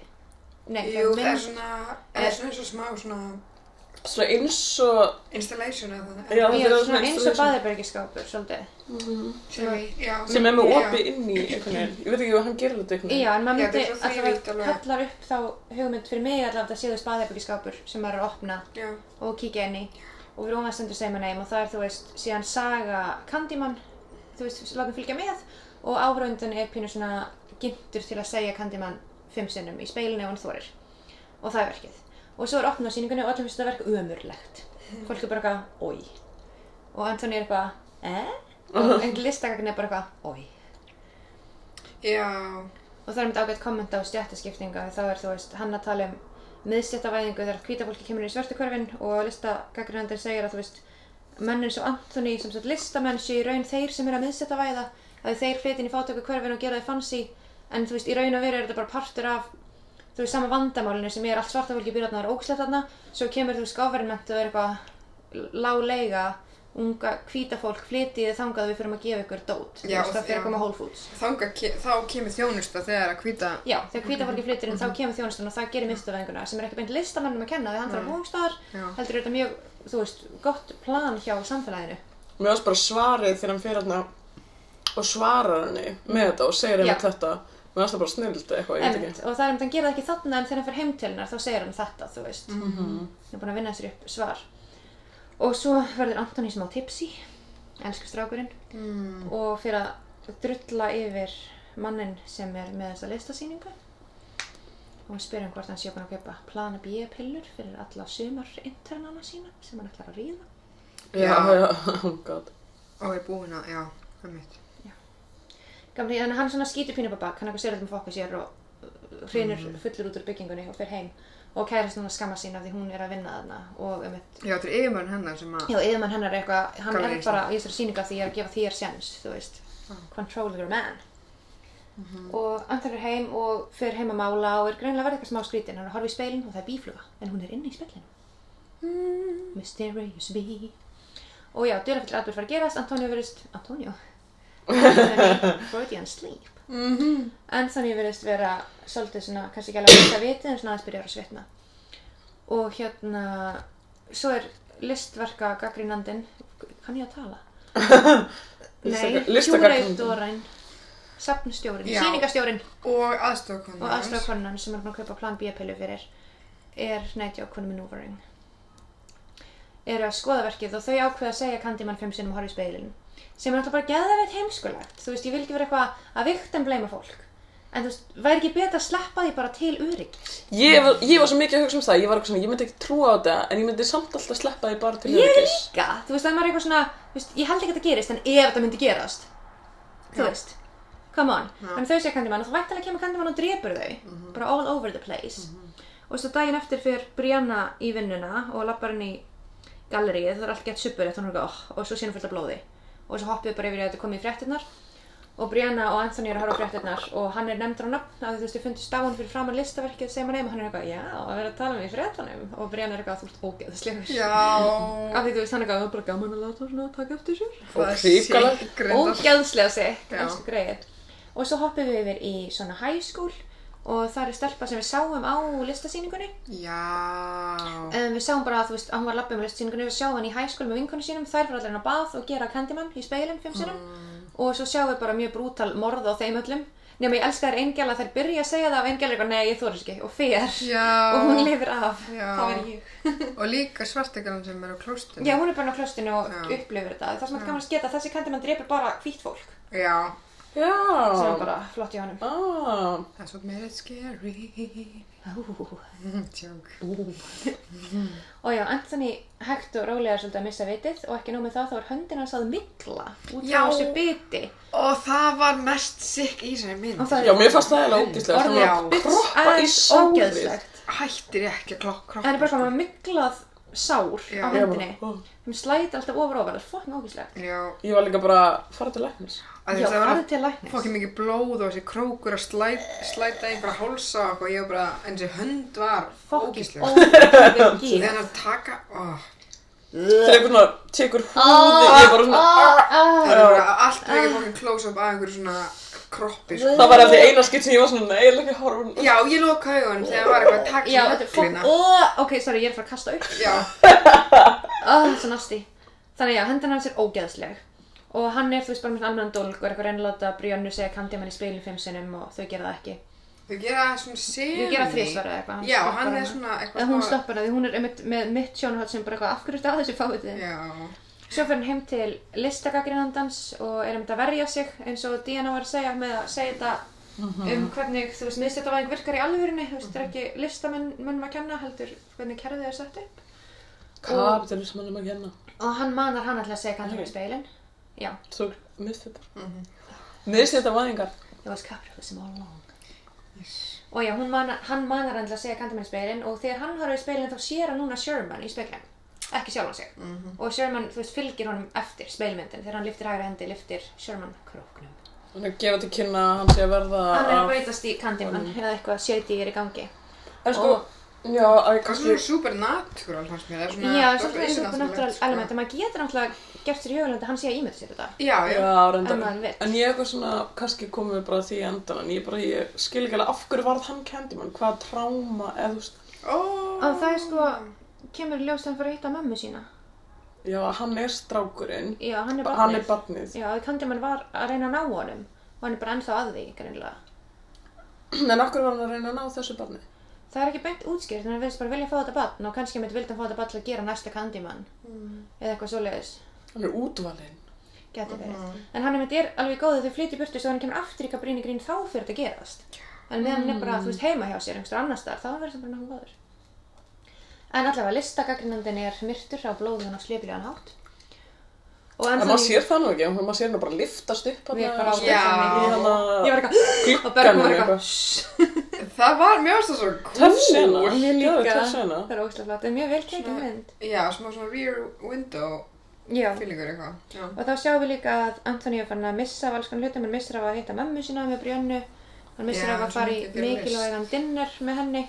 En var ég eina, ok, ég er alltaf komið innskot hérna. Já, það má. Var ég eina sem var bara, ok, þá ég er samt örugglega að vera í að því að Anthony sé mögulega bara maður sem er búin að vera að dreipa allt þetta fólk Já, í einhverju nefnilega. geðrófi. Já, ég hugsaði það samt eða fyrst núna að því, mér fannst bara að því ég var horfmyndin fannst það bara svona yfirnáttúrulegt og það er einhver hérna einhver svona vofa sem er eldan og kemur út úr speklinum og drepur mm. svo Mhm. konuna listakakrendan Já, en maður getur limit líka horta á þannig að hann hafi í rauninni verið svo sem að Drap Já. alltaf. Sko, náttúrulega, hann var full út í þennan curator. já, emmitt.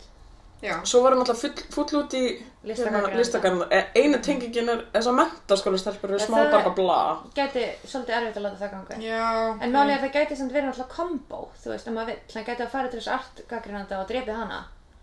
En það er líka, sko, eins og í endan þegar lauruglan kemur, þá er lauruglan búin að vera að leita að honum. En líka af því að hann er Já. hjá listagagrundu þegar hún er Já, þetta drepin. málið er, hún er hjá gaggrindum þegar hún drepið hinn og þú veist, þessi mentaskólanemi var á síningunni hans og kjúreitorinn er á síningunni hans og þannig hann er tengdur, þannig lauruglan er að leita að honum í tengingu við þessi morð, Já. þú veist. Já, já. Og hérna, En það er náttúrulega áörygglega, þú veist, að koma með þá, þú veist, það er alveg verið í að því, þess vegna er, eru flestir, eða þú veist, er það ekki? Þess vegna er til dæmis listagagrindin dreipin eftir að hann er í heimsókn hjá henni og eitthvað. Já, en ég held einmitt líka Eða hvað? að svo oft það sem hryllingsbókmyndir og myndir gera er að láta þig spyrja þig er þetta í alvörun eða ekki þú Já, veist, já. er hér yfirnáttúrulega til eða er þetta, þú veist, Eitthvað manneskja í, geðrofi eða einhverju ástandi já, já, Já. og náttúrulega umgja maðurinn er farin að mikla þannig ég er ekki hissa ef hann væri komin í eitthvað já, en meira eitthvað mók en svo er það líka, er hann að mikla, er það bara eitthvað sem hann sýr?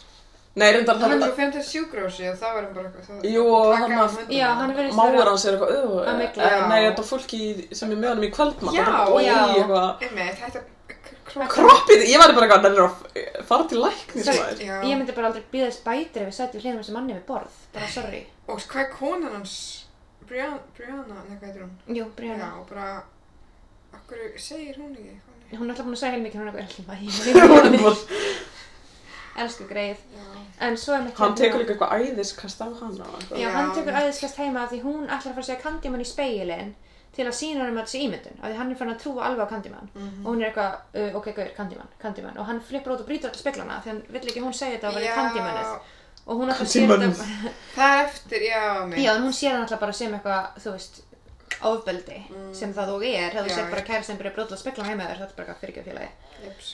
En já, hún sem sagt, uh, Antoni er sem sagt fann að missa svolítið tengslurunarleikan og Brianna er fann að fá fleiri tækifæri rétt eins og hann fyrir að vera tengd þessu Candyman listasýningu Mm, og hann tekið viðtalið hann á safni og þá sjáum við baksöguna hennar að pappina var líka listamaður sem já, framdi sjálfsmorð akkurat. sem hann á erfitt með að díla við, elsku mm Mhm. skiljanlega.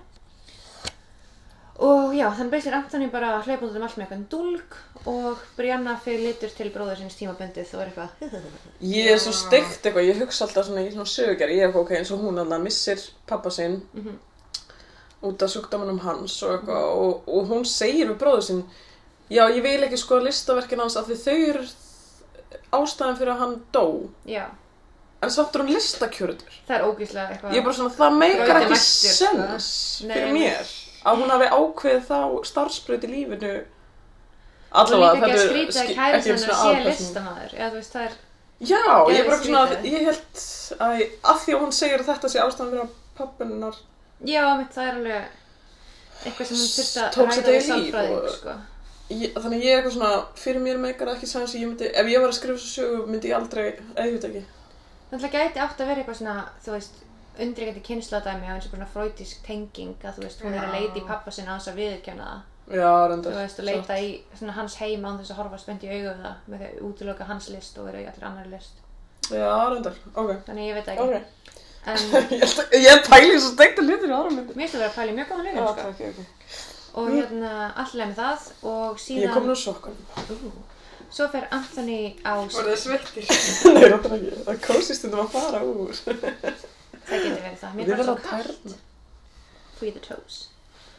Og hérna, Hvað segir, já Hvert voru við komin? Í sögutræðinum? Það veit enginn maður. Nei, við erum svolítið að fara svona upp fram og tilbaka en alltaf Já, sko, hin aðferðin er að ég fara að lesa handritið orð fyrir orð og það Já. er svolítið gróft. Það er alltaf gróft, Ég er við gerum gróf það ekki típa. aftur. Ég vil enda að benda að við fengum prós fyrir þann þátt. Frá, ú, er það? Já, frá Helgu. Hæ Helga. Frá, hvaða, Hæ, Helga. hvaða þáttur er? Um þarna Promising Young Woman Já, reyndar. sem var bara Já. 6 tíma þáttur. Það var- það var þetta góð þátt. Ég er að segja það, ég fór mjög Og djúpt var Helga búin að sjá promising um hún? Nei, en hún hlustaði á þáttin. Hlusta hann á þáttum þó hún var ekki að horfði svo á myndina og fannst myndin betri fyrir vikið. Ah. Oh my god. Ok, ég trúi ekki einhver að við hort á þátt, nei, hort á fyrir ekki, hlustaði á þáttinn þegar við ekki séð myndir. Ég hef alveg gert það sko, ég Ég hlustaði reyndar stundum á líka, eitthvað já. podcast um bíómyndir og sem verður eitthvað, já þetta hljómaði svo góð mynd, ég ætla að horfa á hana. Ok, ok. Já, ég líka elska stundum að lesa myndinar á Wikipedia hafa henni horfa á þær. Mm. Samt þarf ekki að trailera. Nei, það fer eftir hvernig mynd þetta er sko, hvað ég er að gera. Ah. að við stundum líka, þú veist kannski var ég að vinna á nætuvakt mjög lengi og fyrir að skoða eitthvað svona hvað eru skemmtilega myndir frá 2006 eða eitthvað og fyrir að lesa sögutráðan ég um til að sjá hvort einhver aðeins sem mynd sem ég myndi sem ég vilja horfa á sérna Mm og þá drep ég um leið tíman í vinnunni Já. með því að lesa, þú veist, Wikipedia Hmm. Já, ég á erfitt Burt sér frá því En það er náttúrulega það sem að kalla hliðarteksti. Aha, Já. Að þú veist- Sidetext. Ok, segjum að þú horfir, þú veist, á bíómynd eða lest bók og þú lest bara, og viðtökuna einar eru bara eftir því, Já, bara ok, og þú skildar hann á hvern hátt. Mm. En svo ferð að lesa Wikipedia grein um það, þá er það hliðarteksti við upprunalega verkið já, og þá er það búið að gefa upprunalega verkinu nýja merkingu. já, Já, það er og- mjög áhugavert Ok, ég skrifaði um hann að hvort að hliða textar ætti að vera til eða ekki.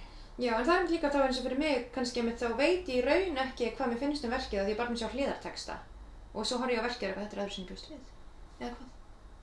Já, en þú veist, þá ertu búin að fá til dæmis hvað höfundurinn ætlaði sér Já, með verkinu. algjörlega, þetta er búið að lita hugarfarið mitt Já, já, já, einmitt. að hann ég fyrir inn í málið Mhm. en burstir á Þannig því, já. þá fer Anthony á spítalan af því höndin á hann er ógeðsleg Já, og við risið upp allan handlegin Fó- já, hann fór á alveg spítalann. rétt, já, það er komið blóð. að maður er alltaf búin að vera alla myndina ég og Bergur fann bara að fara þá á spítalan All, já, við vorum að segja bókstala alla myndina. alla myndina bara eitthvað síklarleif næring í æð, taka hann af Mhm. og hjúkkan á spítalanum er eitthvað um við þurfum að taka þér hendina og geðið þitt Mhm. og það Bara leggast eins inn gott úr komið núna. já og sann eitthvað, ú, þú komin að heimaslöður fættist á þessum spítala, hún var eitthvað, nei, ég fættist í suðurhluta Chicago hún var eitthvað, nei, ég er með, þú veist, fæðingavottaröðu þitt hérna, eða einhverja skýrslur sem meikar engan sens, hver eitthvað Ég líka, fylgist með því hver hvenær er þú eitthvað, nei, fæddist? ég fættist í suður hluta ok, ef einhver kæmi mig og fættist í Reykjavík, hvað er eitthvað, ég fættist í Vestmannaðum Já, minnar, ok. þannig að, þú veist, ég veit ekki Mm. Og ef einhver myndi koma, nei, þú fættist þér ekki, væri þú bara, oh my god. eða- já, þú veist, Nei, ég veit það ekki. Ég er Það er bara- ætleitt. nei, það er bara fyrir að fóldra mín að vera gæð mikið að ljúga að mér eða, þú veist, gæð pointless lígi með að fættist í Vestmannaðum Mm. sem, þú veist, það er engan tilgang, þannig að ég væri pínu svona, what, en skrítið. En, þú veist, ég myndi ekkert eitthvað, þú veist, allt í einu verða Candyman eða eitthvað. Ok, kannski er þetta eins, ég veit Ég ekki. myndi Mér finnst verða það vera Puffin svona- Man. Mér þarf skriðið að hún sé eitthvað, ó, er bara komin aftur hinga. Það Já, er reyndar, það fucking fyrir einhverja shit. skýrslu að þú fættist ég fyrir 29 árum eitthvað. Já, bara, þetta er bara til þess að- að... Ég var líka eins og að maður Þú veist fyrir á, þú veist, landspílun er ekkert eitthvað velkomin heim, þú veist. Einmitt, En burt sér frá því, það er þetta fínt fyrir plottið. Já, þetta Mm. Og- þurfti. Þá Já, er mitt, þetta er smá svona... maður það er búin að leggja sponsor. saman 2-2 um að hefur sér gamlega myndina að hann heitir Anthony, Já, eins já. og barnið í fyrstu myndinni. En hann allavega er þá eitthvað ha, byttu ha, og fer til mammu sinnar og leggur sér ekki á spítalan, lætur taka af sér þessu ógeðslegu hönd. Og mammans er sama leikona og leikur gæluna í fyrstu myndinni. Og Sko ég er eitthvað svona, ok, þið segja já, 90 myndir að geta næs fyrir kvikmynd Mm. en á sama tíma þá var sömum atriðum gefið svo lítið vægi að ég bara svona Já, misti eða af kannski. þeim eins og til Eins og dæmis bara þessi, þetta, þessi, sa- þetta samtal við mömmu hans Já. er bara svo stutt að það er varla að gefa mér neitt Og mér finnst það svo næst að ég fekk bara einhvern veginn að púsla þér saman við eitthvað annað. Já, en kannski munurinn af því að Kannski Bergrá þetta- varum í bíó Bíó, og já. þegar við verðum að stara bara á þetta Þú veist, já, maður getur ekki mista hann einu, það maður er bara eitthvað límdur kannski Eða þú veist, svona hefðalega mátt vera pínlengri. Maður er bara svo fullkomið eitthvað svona fara inn í bíó kl. 8 og vera komin út fyrir kl. 10. Þú veist, þetta er, Já. já, það er það en þetta er alltaf rosa hröð framvinda Já. þú veist, hann er bara orðin bara eitthvað miklaður á 0-1 skilju Já, mér finnst það samt ganga upp sögulega séð, ég er ekkert Já. eitthvað snakkur alltaf miklaður, ég er bara, ú, hann er miklaður Já, það er svona alltaf svona periódikli svona...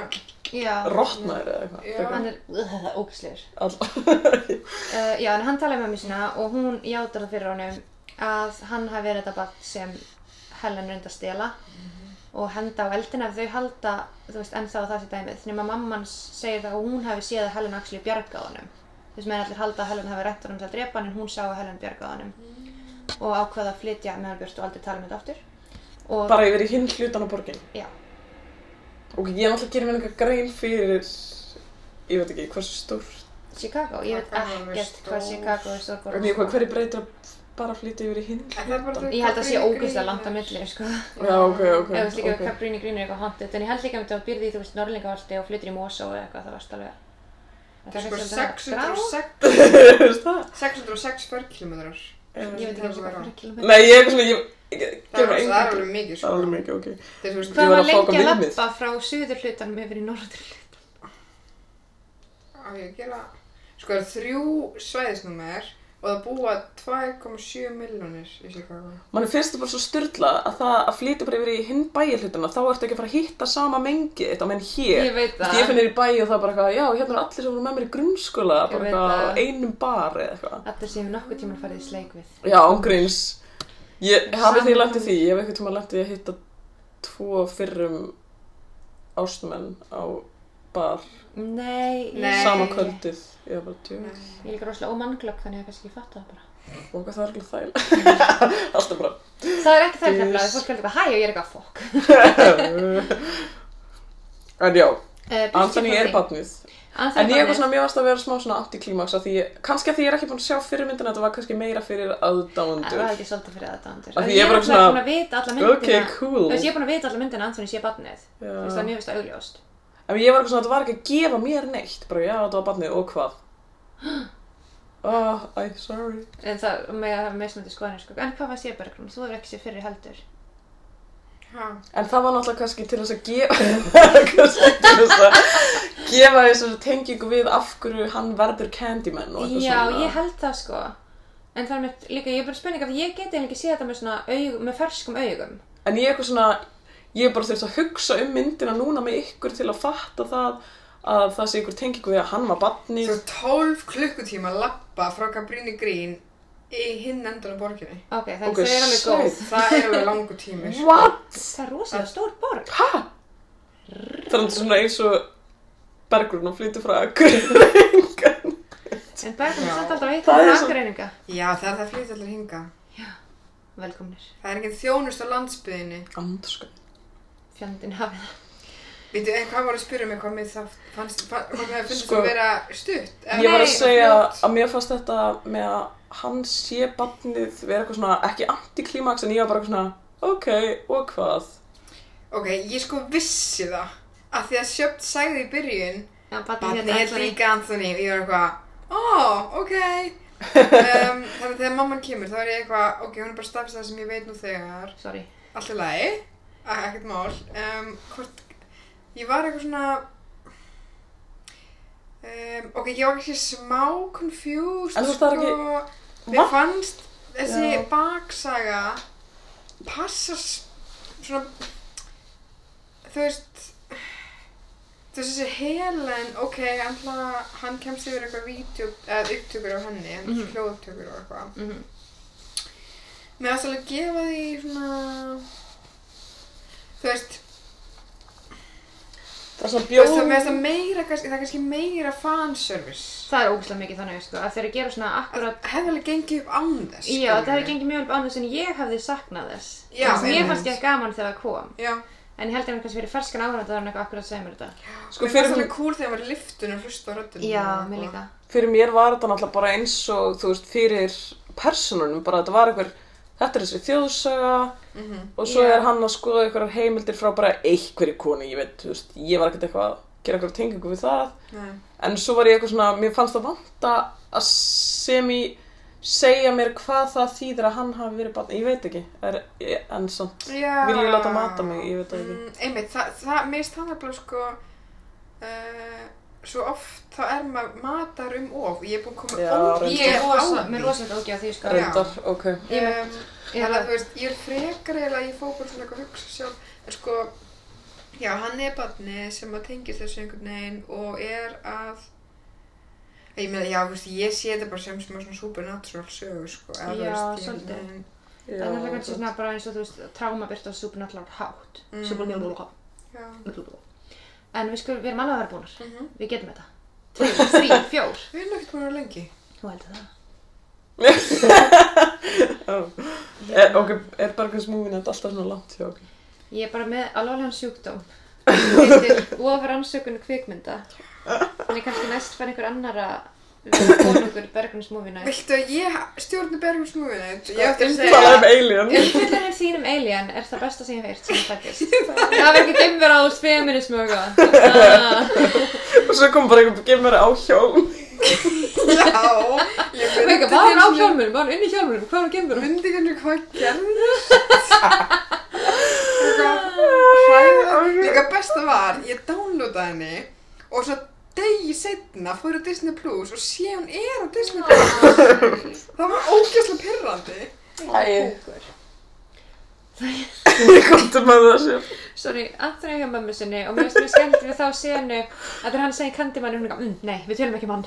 Já. Mér er eitthvað svona, ég fíla það svo mikið, af því Já. það er svo mikið sem ég myndi gera hef ég verið Ég hún. bara, "Mm." Nei, nei, nei, nei, nei, ekkert svona. Þannig að Anthony fattar þá að hann er þetta barn, Candyman sagði hann er sönn, hann fríkar út, hálf miklaður og okkur að fara á þvottahúsið til Billy's. Mm. Því hann er maður sem hefur sagt honum frá, þú veist, sögu, þú veist, Cabrini Greens og allt það. Og Billy er um að lesa bók eftir Clive Barker. Ah. Easter egg. Já. Akkur heita það Ístarag? Ég veit það ekki, ég var ekki að pæla um daginn. Páskegg. Páska egg. Uh, já, þannig að, og hann fer að tala við Billy og Billy er eitthvað slappa ding, slappa dong meðan fer Brianna að leita að honum að því hún fer upp í stúdíu hans og sér hann búin að mála ekki mikið að sæka málverkan af því hann er psychopants og hann er búin að vera að mála fólk sem hefur verið myrt af lauruglunni í gegnum tíðina í Cabrini Green Það án var þess smá að beint kúl. vita það sjálfur Ég var samt bara eitthvað, þessi málverk er bara flott. Akkur er hún eitthvað Þau eru nefnilega guðgóður? mjög Ég var flott. eitthvað, þetta er ekkert eitthvað Mér finnst allir svo mikið að dissa listina hans, ég er bara, þetta er bara mjög flott hjá honum Já, en ég eitthvað svona, af hverju var hún eitthvað svona sjokk? Þetta var bara eitthvað Æ, ég veit það ekki málverk, ég veit ekki, Já. Mm. maður þetta getur verið eitthvað mjög grafíst, sko. Nei, ekki þannig Og hún bara, hvað er þetta að gera? Ég var eitthvað, hún er að teikna, hann er að teikna andlit sem eru smá fössi. Já, Hvað er að því? kannski viðkvæm sál en Hmm. hérna burt séð frá því Ok, já. þá ég var líka áhvert að sjá að því þú veist alltaf tengingu við þú veist lögrið ofbildi eins og bara nafnið á síningunars uppálega Say My Name sem er eins og Say Her Name slash His Name sem Hmm. er í tengingu við George Floyd og Já. Erik Ah. Garner uppálega. og svo heitir hún líka Brianna Brianna Taylor, Mhm. já. Ah. en hún- myndin er samt skrifið áður en Brianna Taylor deyr þannig það er tilviljun Ok, ok. en fínt að halda því við og þá er Anthony komin í hennu krappan og hún gjalla fyrir að leita hann hvernig veit hún að hann er í þessu lundramati Að því að hún tala við eitthvað sem er eitthvað, hei, þóttahús, er það ekki? Nei, hún finnur pennan. Já! fyrir pennan mertan Og hann var búinn að nefna. Ég bara, hver er kannski með líka. penna, um Mertan Dóttar? Já, Ég væri svo til í fyndið, penna, Það er ekki hún mæntís eitthvað.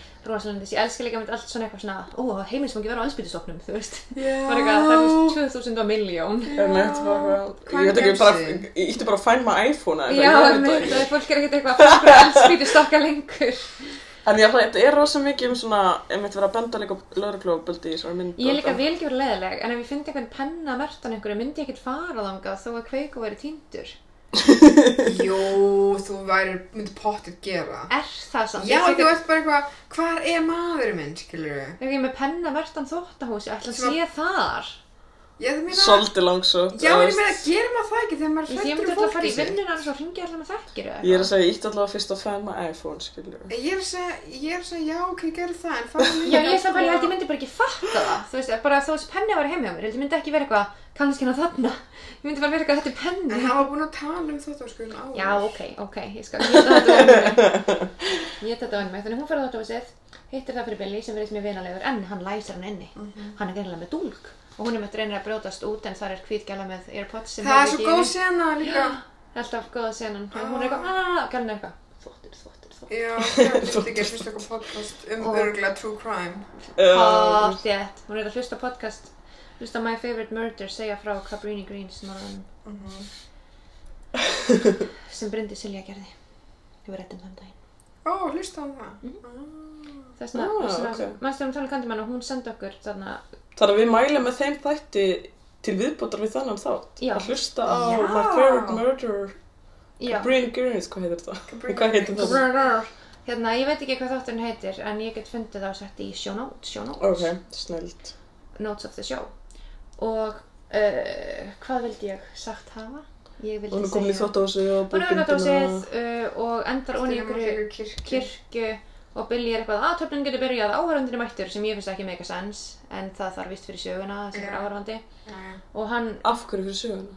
neður veist bara svo Brianna sé þarna en mér finnst ekkert mega sens að hún þurfi eitthvað að horfa á þetta Nei, en kannski er hann bara að bæta sig við að því hún mætti eða eitthvað, ég veit það ekki já Þannig að hún er að Ah. horfa á Anthony er greinilega bara get out of it af því hann er eins og fram með komið miklaður og miklan er komin bara upp á andlit þú veist bara upp öxlina upp á Alveg háls, rétt, upp á já, andlit. það er svona Sem er svona eins og bíkúpa eða... Já, þetta er svona bíflögna Hunangs. Einmitt, þetta er einhvern svona, veginn. já, akkurat Það er til eitthvað svona fóbía fyrir svona götum Træpofóbíu Já, þannig að Mm. fyrir fólk með hana er þetta mjög hryggilegt Mhm. Þannig við þurfum að vara að brindi sig við að hún óskar alltaf að horfa á þetta Já, spilli, já Er hún með Ég þannig? held að hann sé mér svoleiðis Já, En einhvers veginn að maður er eitthvað að hóla þá er hann eitthvað já Ok. og, já, og Billy þannig að segir að þessi kom tím fyrir nýjan Candyman fyrir Cabrini Greens, hann ætlar bara að búa hann til sjálfur og heggur hendina af Anthony og setur svona kjötkrók svona inn í hendina það gett ókslega Það er eiginlega líka ógíslegt Já, af því staðan fyrir eins og maður sér fyrir sér svona Captain Krókur, eða hvað hann heitir, úr Peter Pan sem er bara með svona, þú veist, svona hólk Já, bara svona hólk. með króknum Já. nema þetta er hann stingur svona kjötkróknum inn í hendina og Já. bindur fyrir Já,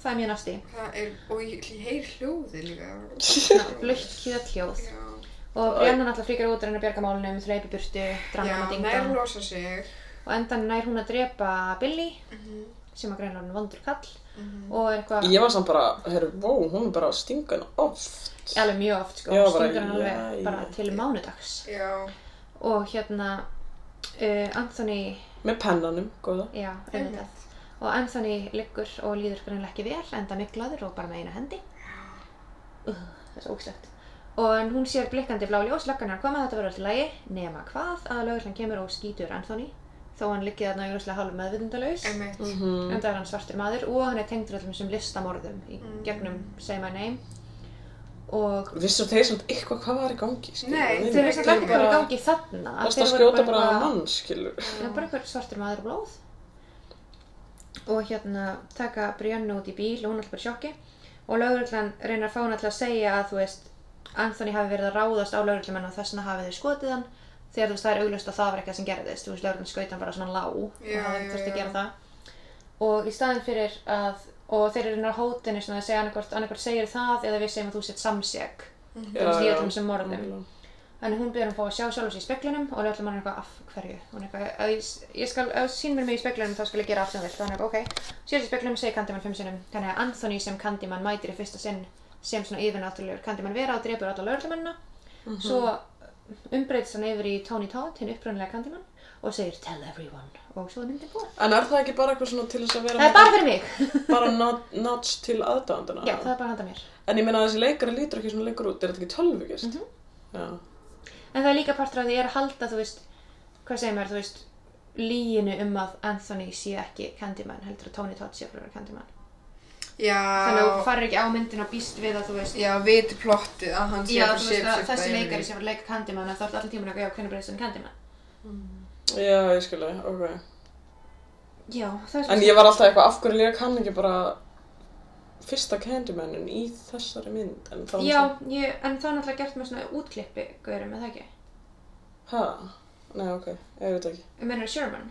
Já, Já, ég hugsaði það líka, ég var gangi leikur hann ekki bara Sherman. Það er ekki að skrítið. Ég veit ekki af hverju.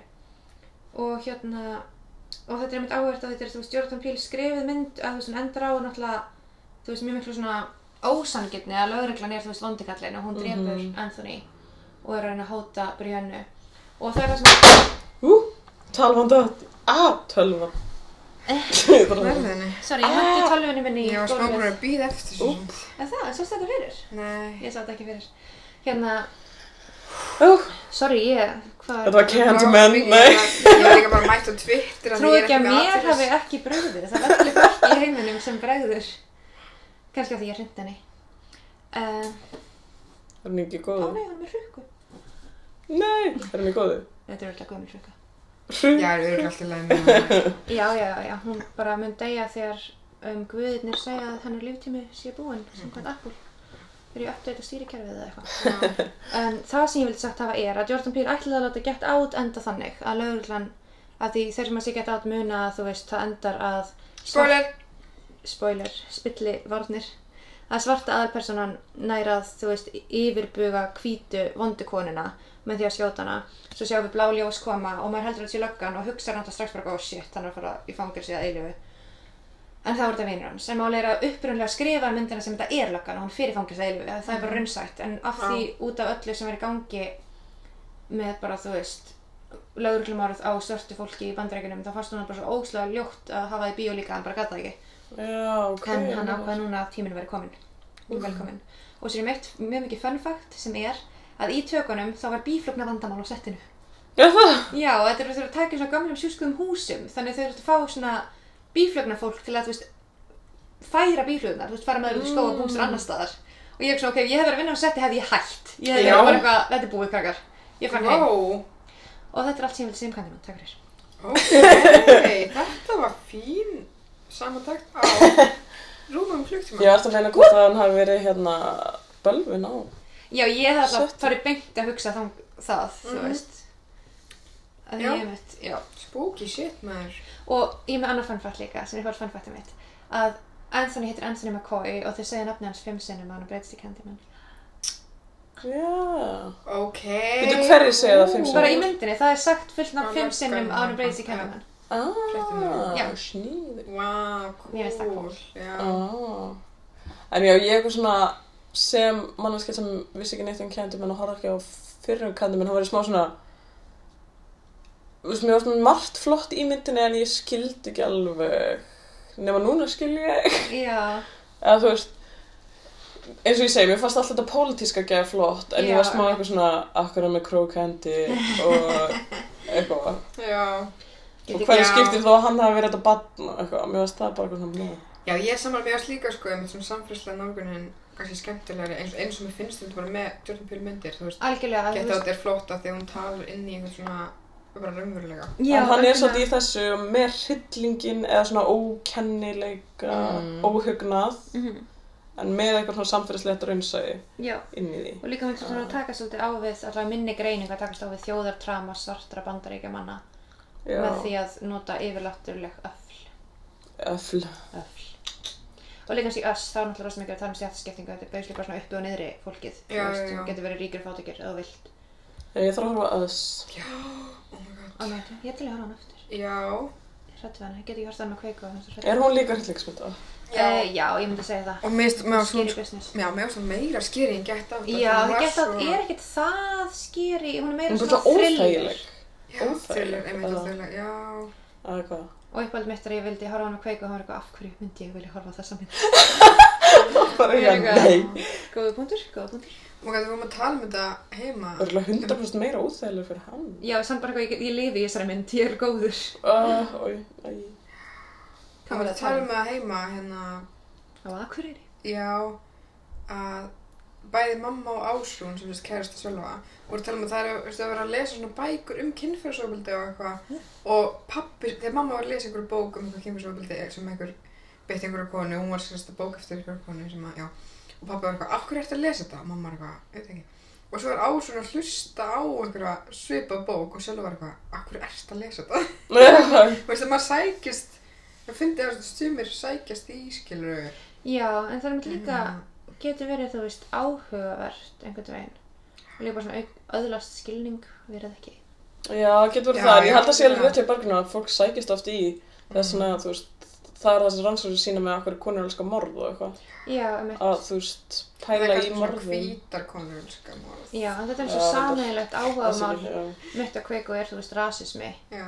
þannig að þú veist, hann er mjög mikið í Já. því, ég hljóma rosalega illa Það er bara, það er, þið verður að finna ykkur eitthvað annað hobby nei, þetta voru fint hobby, sko uh, já, en já, Mm. hvað veit það Ég meina eitthvað svona golf eða, þú veist hún er vist líka gaman að horfa á fótbolta og guðforðin er hérna ekki bara að gera það með Ó, hann næ, ég, Oh my god, ég var að finna, ok, ég ætla að segja ykkur það eftir. ok Ekki meira persónulegt í þessu poti Nei. nei, við þurfum nei, aðeins þú- að fara að herða beltin Nei. En, binda fyrir allir, hann. ok, allir þegar að horfa á eitthvað svona rekk, eða þú veist, gerið þið það, horfa á eitthvað svona rekk í aukum myndir Aldrei, sko. Nei, ég veit aldrei gert það. Í fyrra horfði ég á Hókus Pókus og hún Já. sögur. Ok, ég er nefnilega, tölum við ekki um þetta, ég var eitthvað svona, já, hókus pókus, ég horf alltaf að rekja ykkur, en hún í raunin, þú veist, er ekki góð, Nei. má ég segja. en Þetta- hún er samt stemd. Samt Já, svo stemming, mikið sko. af þessum gömlum myndum er ekki góðar nema bara að þú horfður á þær þegar þú veist yngri og það eru nostalgískar. En akkur hefur ekki gert svona nýja rekja ykkur mynd? Uh, Svona, eða það eru myndir svona sem er svona batna eitthvað, kæfta þið. Ég Eins veit og ekki alveg Hókus það Pókus. eitthvað. hlýtur einhver verið að gera þetta bara á Eitthvað Disney svona Channel og eitthvað sem Pixar og við sjáum eitthvað. ekki. Jú, þarna, hvað heitir Dietalus Mortos myndin? Já, Kókó. Kókó. Gogo. Og uh, líka þarna eitthvað Frankenweenie og eitthvað. Já, Já, og þarna Svoleiðis eitthvað myndir. Vampire shit. Já. Transylvania Hotel. Transylvania Hotel. Hotel Transylvania. Hún er smá næst. Hún er góð. Já. ok. En já, ok. ég horf þarf samt- að- Ég þarf að Horfðu á Hotel Transylvania að með hrekkja Freyr. ykkur. Ó, ég horfa á hana með Freyr, Já, já. þetta er teiknumynd. Freyja Einsdóttir. Ég horfði á- horfði á með Afri. Það var bara fínt. Já, fyrir líka sjö ára. Já, hann er old ass bitch. Kost. Hún hei- hlustar hún á þetta eftir tíu ár og er eitthvað, Já. hvernig dyrfisti? En hérna, já, ég hef aldrei haldið hrekkjavögunum sérstaklega hátilega, nema þegar ég var bjóð í bandaríkjunum, þá held ég henni mjög hátilega. Búningur minn var Slutty Baby. Hvernig? Það er Ok. sjúkt. Ertu með mynd? Ég vil sjá Ég hef mynd og sagan er að ég ætlaði bara að vera heima að læra á hrekkjavögunni af því ég er íslensk og mér er alveg sama. Og allir vinnir mínir voru komin í geð slötti búningar og það var að koma okkur, var að koma okkur, og ég er ekki- ég er ekki með búning. Og vinkona Fórstu í mín- bleiðu? Nei, ég fór ekki í bleiðu. Ok. Vinkonu mín átti svona vonsi, svona samfesting, svona náttgalla En ég var ekki, ég verði honum að vera baby og ég fór í náttgaran, setti tíku í hárað á mér og síðan hérna rendi ég niður rennilástum Oh og my það grósta aldrei undir og var slötti baby. Það er eitthvað svo rámt við það. Já, það er mjög mikið rangt við það. En uppáhaldsbúningar minn það árið var fyrirgeðabergrun. Ég var mjög ung. Þú verður að senda okkur svo mynd Og þetta er líka af því allir vinir minn voru geðveikt slötti. Þeir voru ekki Já. nörs, þeir voru slötti nörs. Og ég held að einu hafi verið, þú veist, bankaræningi, slötti bankaræningi. Ég er ekki að þetta myndi ekki verið gott í axel og ráni. Þú þarf alltaf að vera slötti Já, En en þú sko, verður að senda okkur svo mynd fyrir ég giftinguna skal þína. finna þessa mynd fyrir giftinguna mína. Þetta er svona ekkert sláandi búningur, þetta er bara hvað ég í einhverjum opnum vonsi, þú veist, og bara aðlega ég var að segja þetta slötti baby var slæmt. Já. En hérna, Ah, já, besti búningur var að einn vinnu minni var bro. Bro Hann var Bara í, með derhúi eða eitthvað. já, hann var í tveim pólabólum með báða kragan og svona, Ó, Poppa. ok, það er góð. og í svona flip-flops og þú veist, kakifans, hann var bara bro, bara full on og það var ógæslega Bro. hundur. Bara eitthvað, bara, I'm a bro. Brad. Já, eða Chad. Mm, Chad. Hvað er ástættur? Los Angeles Nei, ég var í San Francisco. Og það er fyrir það sko Þú fyrir til Los Angeles, það var ágætt, það var skítugt. Já, við ætlum, í samtíkunum við ætlum að vera með hennu hrekkjöngaparti. En Má ég koma? svo fundum við ekki sal. Ég elska búningapartí, smá Ég líka, Og ég ég, bara- var í gett til í að hafa rekkjavíkupartí en ég ánga vini, nema ykkur, halló.